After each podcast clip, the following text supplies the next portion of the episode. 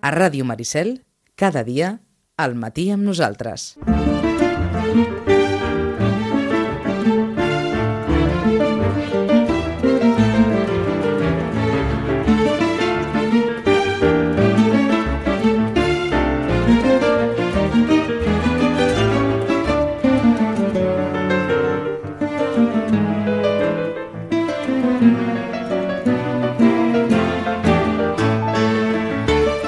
Vinga, a veure si posem una miqueta de seny en forma de lectures, perquè si llegim els diaris no sé si en trobem gaire de, de seny. Rosana, Rosana Lluc, des de Llorenç Llibres, bon dia. Hola, molt bon dia. Um, no, na- em sembla que ja t'ho vam preguntar una altra vegada, però quan, quan s'acosten les campanyes electorals, sovinteja més la, la demanda de lectura política? Uh, doncs no massa, no massa. Eh, De fet, uh, la veritat és que pel que fa a les biografies de gent, de, tal com a Pedro Sánchez, per exemple, no s'ha Mhm. mogut aquests dies. Quan va sortir, va sortir i ja està. El famós Ara sí manual és de veritat- resistència. eh, Ah, exacte, Ah. ah. aquell manual de resistència, eh? Ara sí que tothom està pendent, tothom està pendent, vol dir, el, el cercle és així més de mm, editors, eh? Uh Mhm. de la sortida d'un llibre del Rajoy, eh? Mm. Que ara ja no està al govern i a veure què, a veure què ens explicarà, eh? Mhm. Però bé, eh, tret d'això, doncs evidentment els que s'estan venent eh, aquí a Catalunya són els del procés. I això sí que realment és un degoteig continu. Sí. Això sí que és veritat, eh? Això sí, eh? Però, però perquè ens interessa, perquè ens interessa saber què passa, què no passa. L'últim potser ha sigut el de eh, doncs, de quatre de, perdona, de sis periodistes, aquell que es diu Tota la veritat, Mhm. que són dos anys d'investigació i són sis periodistes que escriuen tota la veritat la crònica definitiva dels dies decisius del procés. Aquest és un llibre doncs, que ha sortit amb força mm? i llavors sembla que, doncs, que sí, que, que sigui un dels llibres que la gent està interessada. Um, crec que va ser ahir que va sortir un altre que es diu El judici, d'Iñigo Sáenz d'Ugarte, Mhm. que també és una mirada crítica al procés i a la sentència, en aquest cas ja és, evidentment, pel, pel títol que diu, doncs ja és sobre el judici en si i la sentència que marcarà el destí de Catalunya, diguéssim, no? I es continua venent, doncs, el de Jordi Cuixart, eh, bé, Sí, és a dir, eh, s'ha- s'ha mantingut, hi ha, hi ha hagut un, res, per, per tancar el tema, ha, eh, s'ha notat un, un increment de, de, de demanda eh, a partir de la publicació d'aquesta sentència o, o el degoteig ja, ja ha estat constant durant, des de que van començar a sortir, perquè de fet n'han sortit forces, perquè gairebé cada advocat ha publicat el seu, i, i això, oi? Sí, no, la veritat és que bueno, va coincidir l'assaig general d'una revolta, va coincidir doncs, eh, més o menys amb els dies, i que és el del Francesc Marc Álvaro, uh Mhm. -huh. però a partir d'ara, doncs, la veritat és que aquests últims dies ha sigut un degoteig, eh? D'acord. Mhm. Vale? Eh, perquè, és clar és que és el que dius, n'hi ha tants, eh, d'entre advocats, mm, mm, els, el, els propis polítics que és el Joaquim Fort, no, no, el Junqueras, um, eh, el, el Romeva, que l'últim que va treure va ser els dibuixets que feia des del banc dels acusats. Eh? Sí. Llavors, clar, també, eh? Vull dir també, saps, és allò que dius, bueno, ja ha arribat amb una segona edició, el del Romeva. Mhm. Doncs, eh, doncs, bueno, ara sí que la veritat és un degoteig. Eh? Ara tothom està una mica, doncs, eh, pendent del carrer, més que res. No? D'acord. Pendent del carrer. Eh? Doncs eh, ja que hi ha un, un interès eh, relatiu però constant sobre els llibres del procés i un interès més disminuït sobre els llibres polítics que no són específicament els del procés, ens anem a llibres que no tenen res a veure amb política, oi? Exacte, se n'anem amb això. Se n'anem amb, eh? se n'anem a parlar, doncs, de, de literatura. De literatura. Uh, mira, el darrer programa parlàvem de um, la, la reedició, per dir-ho, bueno, una nova edició en català i en castellà de la Campana de vidre de la Sílvia Plath. I ara ens trobem a la taula de català un llibre del Francesc Fontbona que també es diu La campana de vidre, però no té, evidentment, res a veure amb aquella obra. Uh -huh. En aquest cas, el Francesc Fontbona, que és eh, especialista en història moderna i la veritat és que ell és de, de l'Institut d'Estudis Catalans, però sempre s'ha dedicat a l'art, a la, a la història. Ara ens apareix amb una novel·la que es diu això, La campana de vidre, i que té una fotografia allò de la Barcelona dels finals potser de, dels 40-50, amb un senyor que li estan netejant les sabates, eh? amb aquells, eh? aquell senyor ajagut amb el seu taburet i que està netejant les sabates d'un senyor així amb un gabardina. La campana de vidre en realitat eh, recrea des dels ulls dels Pavón, eh? Uh, Genaro Pavón, que és un, un noi de classe benestant, eh?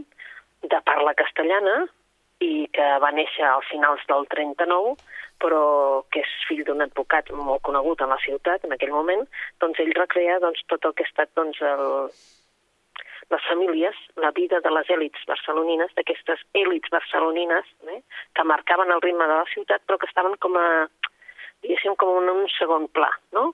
I, en definitiva, doncs ens parla d'això, de fins al tombant del segle XX, és a dir, des de començaments del segle fins al tombant del segle XX, doncs la vida d'aquesta d'aquesta capa social, eh, que diguem-ne que seria classe mitjana alta, eh, uh -huh. eh, que parlen castellà, que estan, evidentment, a la part alta de la ciutat, eh, i bé, que són aquells, eh, sobretot el Genaro se sent, doncs, aquell, forma part de, de la seva família dels vencedors de la guerra. Eh?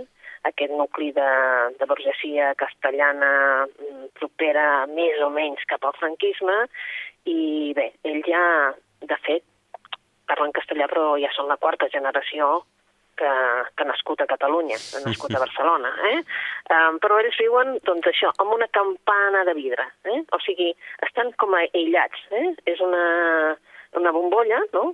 protectora que els aïlla de la realitat social del país, perquè si ell neix, a, neix a les acaballes del 39, eh, bé, la postguerra aquí va ser el que va ser, i per -huh. tant, tot això ell no, no, li, no li toca perquè està amb aquesta campana de vidre. Però, és clar, la seva curiositat fa que, que s'endinsi també amb, amb altres realitats, altres realitats socials, i que descobreixi que, bé, que la societat té un munt de contradiccions que, bé, i que amb ell mateix tot això el porta també a tenir molts dubtes perquè, és clar, viu una altra realitat a casa seva de la que es viu a peu de carrer. Uh -huh. Doncs el Francesc Fontbona, que ha publicat, per tant, aquesta campana de vidre sobre aquestes elites franquistes a, a la Barcelona de, des de la postguerra fins a, fins a això, fins al tombant de segle. Exacte. Mm? Uh -huh.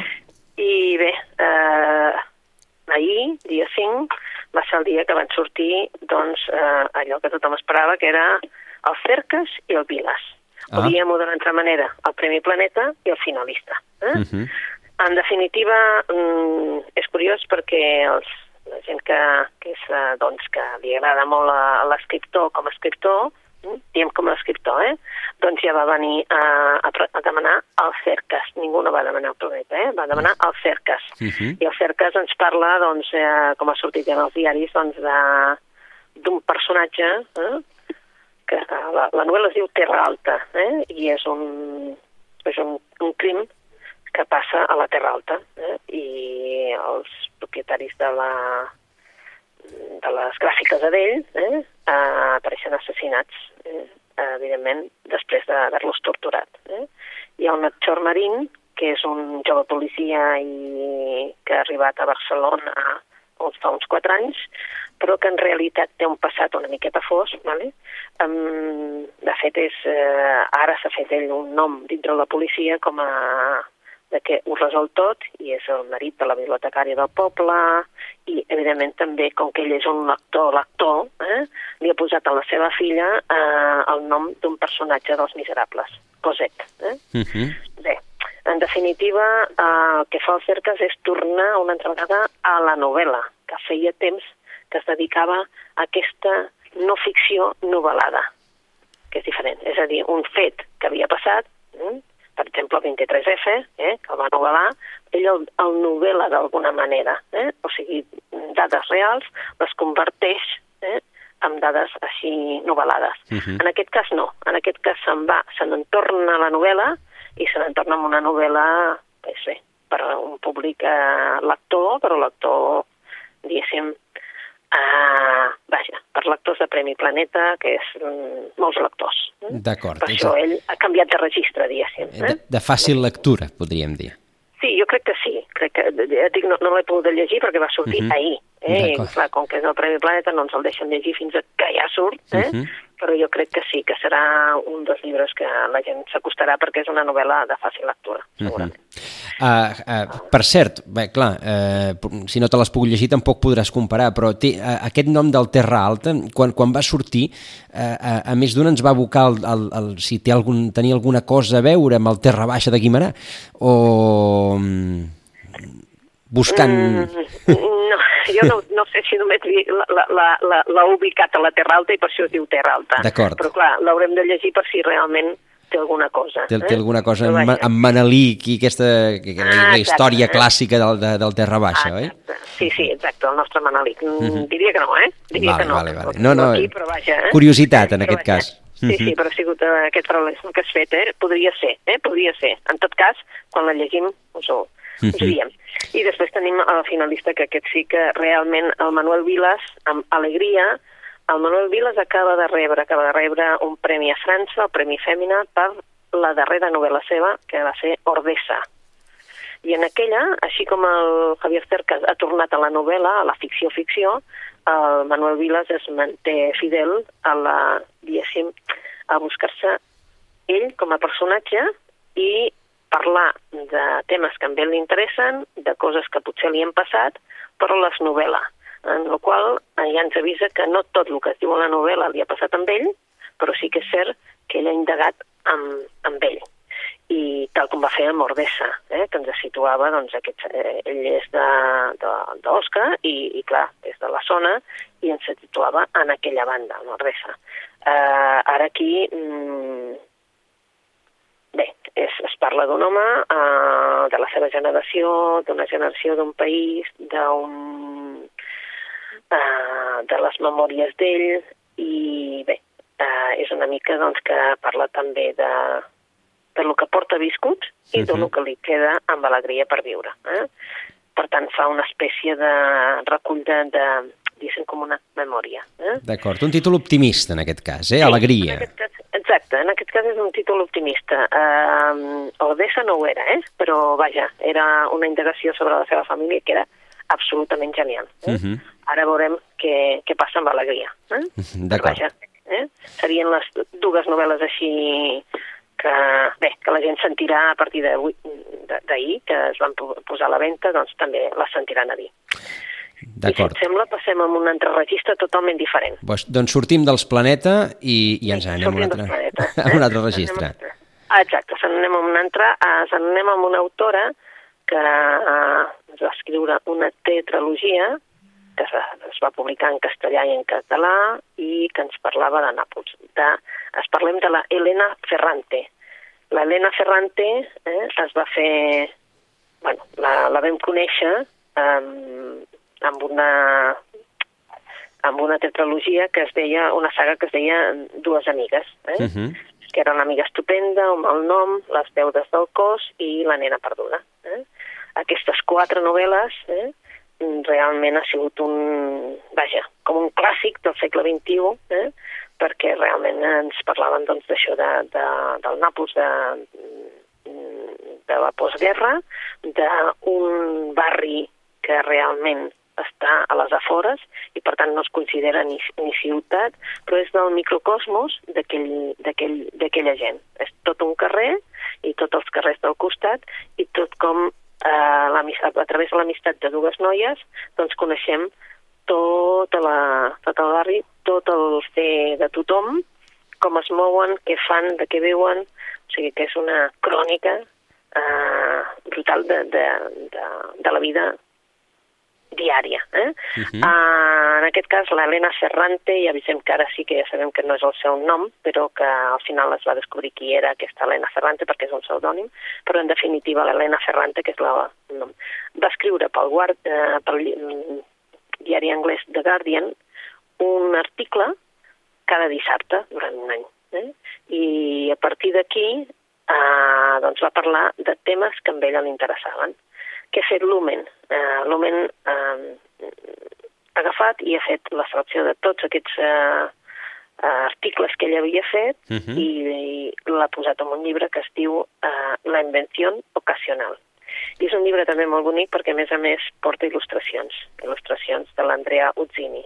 Ja veus que per les dates que estem també els editors estan buscant llibres, a més a més de literaris, llibres objecte també, és a dir, llibres bonics que a més a més de la, de la literatura també et donguin un afegit, que és en aquest cas doncs, els dibuixos, que són les il·lustracions són precioses també. Uh -huh.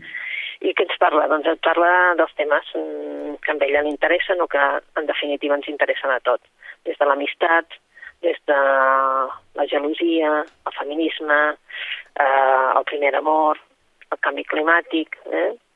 són tots els grans temes eh, que ell ha escrit eh, al Guardian. I és un llibre, doncs això, un llibre en el que nosaltres podrem descobrir eh, què pensa o mm, amb què s'identifica realment la Elena Ferrante. D'acord. Un llibre també preciós. Uh -huh. La invención ocasional. Exacte, la invenció ocasional, uh Mhm. -huh. Lumen. Eh? Qui vulgui, qui vulgui saber més coses sobre aquesta misteriosa escriptora que s'amaga darrere del pseudònim de Elena Ferrante. I ara passem a un llibre eh, que molta gent recorda, en recordarà perquè era del Pepe Rubianes i es va escriure un llibre que es deia Rubianes solamente. Sí. Però en aquest cas, ara el Pepe Rubianes, diguéssim, és a dir, els hereus, eh? del Pepe Rubianes, el que han fet amb el Miguel Gallardo és posar un, un llibre, és fer un llibre, que diu Pepe Rubianes i Miguel Gallardo, evidentment, Pepe Rubianes no hi és ja, però hi ha textos inèdits que no s'havien, eh, i manuscrits que s'han trobat del Pepe Rubianes, i en aquest llibre, il·lustrat pel Gallardo, doncs tenim el Rubianes solamente. Aquest és un llibre, doncs, sí que, diguéssim, un llibre més per regalar, eh? o per Mhm. regalar-te. Eh? Per què? Pues perquè és un llibre amb tot d'il·lustracions de Gallardo, eh? Que veiem doncs, tots els temes que li interessaven també amb el Rubianes. Eh? I bé, des de monòlegs en, que ell havia fet, eh, amb la seu, diguéssim, saps, amb el seu llenguatge tan popular, tan col·loquial, diguéssim, eh? i bueno, me ofrecían una pasta que te cagas, que era allò que deia Sí. ell, no?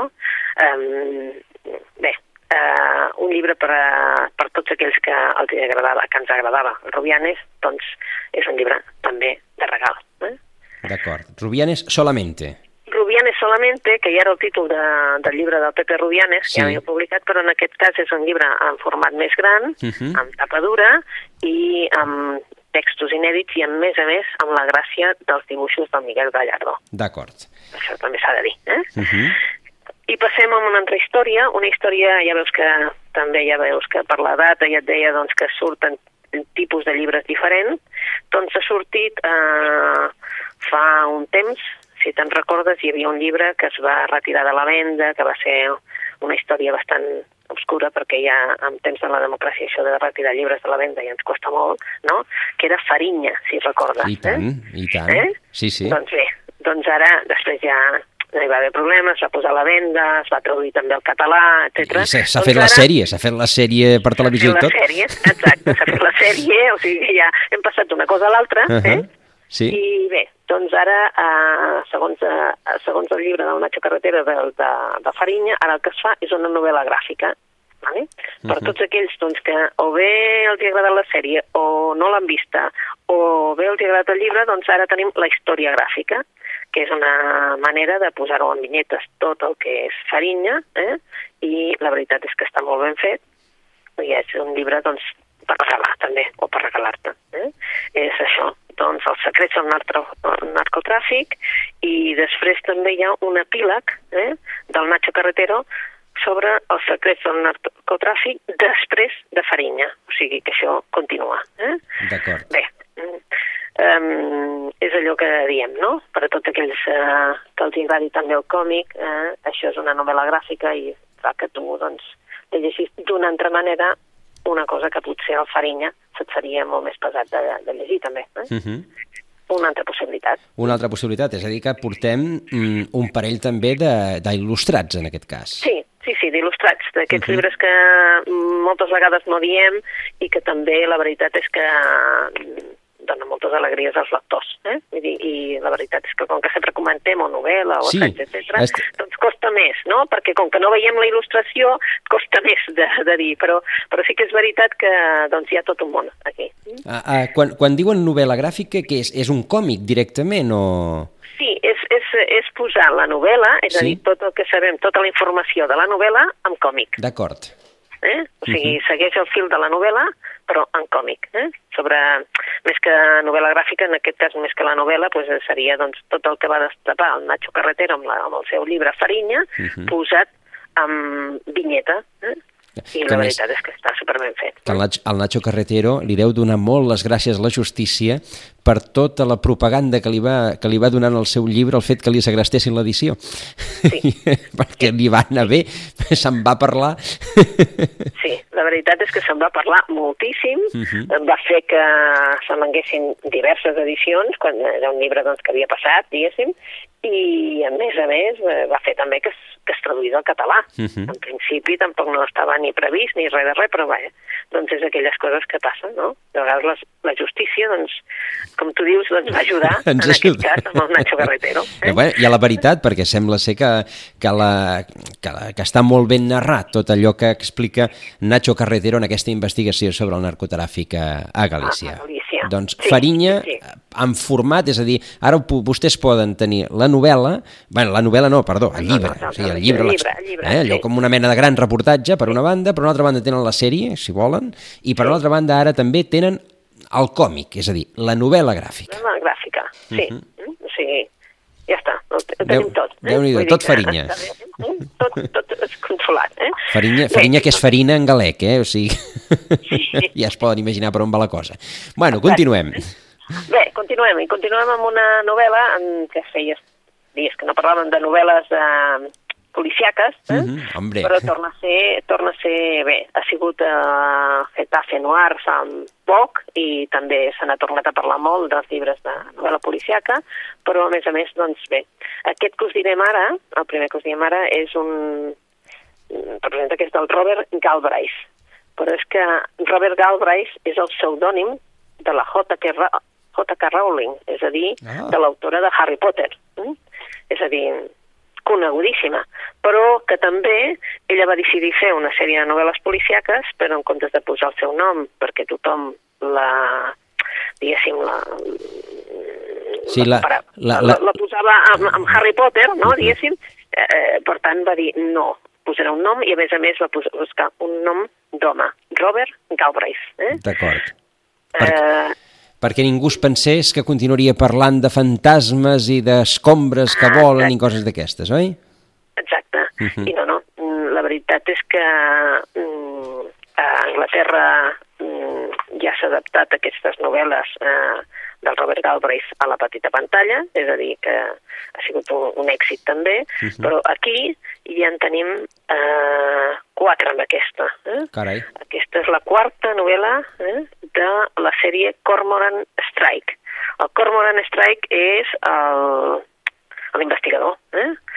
Um, I ara parlem també de... És un llibre que la veritat és que s'ha traduït al castellà i català. Ja us avisem que té set, 750 pàgines, és a dir, tenim novel·la per, per, eh, per estoneta. Eh? Mhm. És un, potser la, la, la més dura d'una sèrie que ha venut molts exemplars, que jo diria que quasi 11 milions d'exemplars a, a tot el món. Eh? I el que ens protagonitza una altra vegada és el Cormoran Strike. El Cormoran Strike és l'investigador que treballa amb una, diguéssim, amb una sòcia, eh? la sòcia és així, que és la Robin, la Robin Elacott. Eh? I ara se'ls presenta un bon dia, es presenta al despatx un nano, un nano que sembla eh, que està molt atabalat, un nano que no saben ben bé què, què veuen i després veuen que és un nano amb problemes mentals.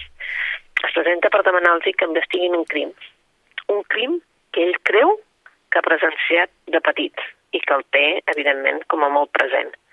Però, bé, quan el detectiu comença a fer-li preguntes i preguntes, en Billy eh, surt corrents del despatx. I, per tant, la cosa podria quedar aquí. Però, és clar, l'Strike i la Robin no són així i eh, el que intenten és arribar al fons d'aquesta història. I resulta que, és clar que per arribar al fons d'aquesta història doncs, eh, han de passar per, des de llocs del Parlament, és a dir, per coses que han passat dins del Parlament, amb mansions així senyorials perdudes enmig del camp, i cada vegada la història representa que es va tornant més i més complexa i, evidentment, també la vida de l'estraic es complica. Eh? Uh -huh. Per què? Perquè, és clar, mm, ell ja és un detectiu famós i, per tant, en segons quins cercles li costa molt passar desapercebut. I, és clar, això també fa que la, la relació amb la Robin es tensi dia a dia.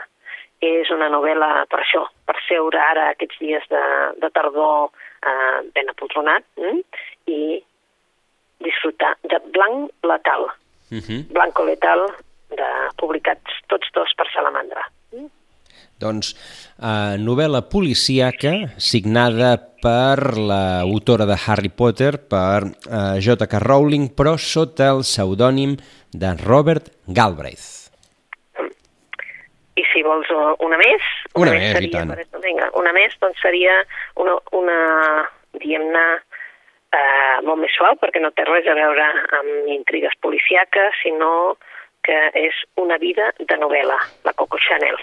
Mm. Mademoiselle Coco i la passió per el número 5 és una novel·la que ha publicat Maeva, que acaba de publicar Maeva, d'una autora que es diu Michelle Marlí, i és una autora, malgrat el cognom que sembla és, és alemana, eh? I bé, el que passa que ha viscut doncs, entre París i Múnich i Berlín i sa mare era una model, una model de la dècada dels anys 50 i clar, ella va accedir a aquest món de l'alta costura des de molt petita. Uh, què ha passat? Doncs uh, aquesta, accedir a aquest món també la va portar doncs, a conèixer moltes històries i ha decidit fer una novel·la que es diu Mademoiselle Coco i la passió per el número 5. Perquè, és clar, si algú que hagi tingut una vida de novel·la va ser la Coco Chanel. Eh?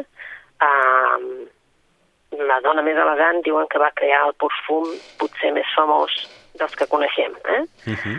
I se situa la novel·la en l'any 1909, eh? a París, i la Coco Chanel, mm, bé, doncs ha creat tota una sèrie de dissenys que la ciutat doncs, els acull amb, amb moltes ganes. Eh? Um, però bé, també hi ha l'episodi amorós. El, el, bé, l'amant, la persona que ell estimava, el boi Capel, mor en un accident, un accident de, de cotxe, i ella té la sensació de que la vida se li ha acabat, que no li interessa, ella és, bueno, uh, representa que ja no hi ha res que l'apassioni. Però Bé, al cap de poc eh, decideix crear un perfum, un perfum que immortalitzi eh, aquest amor que, que ella tenia, no? Bé, a partir d'aquí, doncs, potser això serà l'únic que la, la traurà d'aquest estat de, de, de, de tristesa i d'enfonsament que ella tenia. A partir per buscar aquesta essència perfecta, aquesta cosa que haurà de ser coneguda per tots, doncs visita Venècia, doncs, que, que descobreix la, la història del perfum de Catalina la Gran, eh, visita el sud de França, i bé, en definitiva, eh, fins que arribaré a, que, a la creació del, del perfum -huh. i, i aquest perfum que fins avui en dia serà tan i tan conegut. Doncs aquesta història que és una novel·la però té un rerefons històric, òbviament. Sí, sí, sí, té, té un personatge que, conegut, que seria la Coco, però eh, clar, és una novel·la. Mm. És a dir, mhm. que moltes coses se les pot haver inventat, eh? No diu que sigui veritat, però sí que és cert que, clar, que ella doncs, té història, com que la seva mare doncs, per tenir aquest món doncs, també doncs, va fer coneixences i això la porta doncs, a, a tenir informacions vàries de, de diferents persones. Mm -hmm. Doncs eh, aquesta Mademoiselle Coco i la passió per el número 5 de la Michelle Marlí és la darrera de les recomanacions d'avui de, la, de la Rosana, que doncs, ens ha recomanat per una banda aquesta La campana de vidre, aquesta història de, de l'alta burgesia guanyadora de la guerra a, a la Barcelona, això, des de la postguerra fins al tombant de segle, de Francesc Fontbona, Òbviament, els dos Premis Planeta que han començat, eh, que es van posar a la venda en el dia d'ahir, eh, el guanyador, La Terra Alta, de Javier Cercas, i el finalista, La Alegria, de Manuel Vilas. A més a més, també eh, de la Elena Ferrante, La invenció ocasional, aquest eh, recull d'articles durant un any de, a The Guardian d'aquesta eh, autora amb pseudònim, Uh, dos, uh, dos novel·les gràfiques o dos llibres amb, amb dibuixos. Per una banda, el Rubianes Solamente, de Miguel Gallardo, i per una altra banda, Farinya, la novel·la gràfica, basat en el gran èxit de, de Nacho Carretero. I, per últim, eh, una de policíaca, no, ha de, no han de fallar les policíaques, aquesta, aquest blanc letal de Robert Galbraith, que no és altre que el pseudònim de la J.K. Rowling, és a dir, de la eh, autora de la inventora, la creadora del personatge de Harry Potter i per altra banda, doncs, aquest darrer de la Michelle Marlí, Mademoiselle Coco i la passió por el número 5. Uh, Rosana Lluc, des de Llorenç Llibres, moltes gràcies i bones lectures. Molt bona lectura. Fins a la propera.